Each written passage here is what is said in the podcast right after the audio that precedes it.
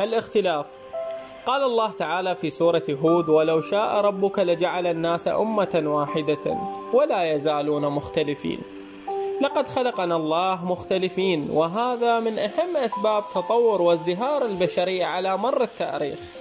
تخيلوا عالم متكون من نفس الثقافة نفس اللغة نفس العادات والتقاليد والمعتقدات والأفكار.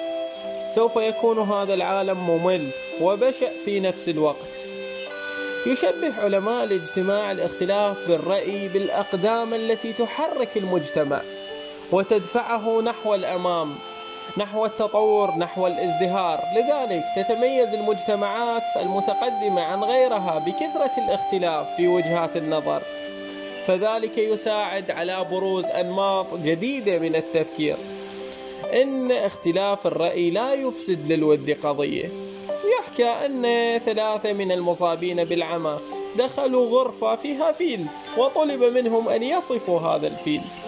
بدأوا في تحسس الفيل وخرج كل منهم ليبدأ الوصف. قال الأول الفيل هو أربعة أعمدة على الأرض. وقال الثاني الفيل يشبه الثعبان تماما. وقال الثالث الفيل يشبه المكنسة.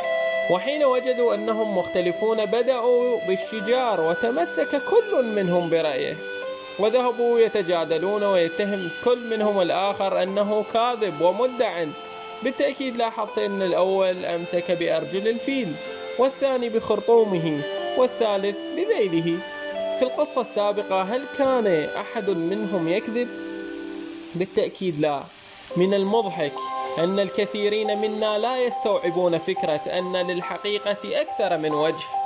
في حين نختلف لا يعني هذا أن أحدنا على خطأ. قد نكون جميعنا على صواب لكن كل منا يرى ما لا يراه الآخر.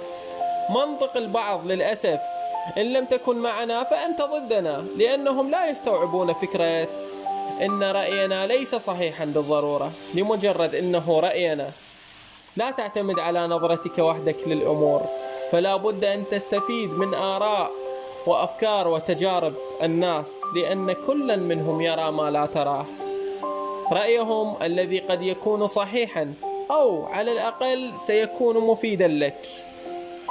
فالكراهية والحقد وتسفيه الرأي الآخر واتهامه ونشر التفرقة والعداوة وغيرها ليس لها مبرر.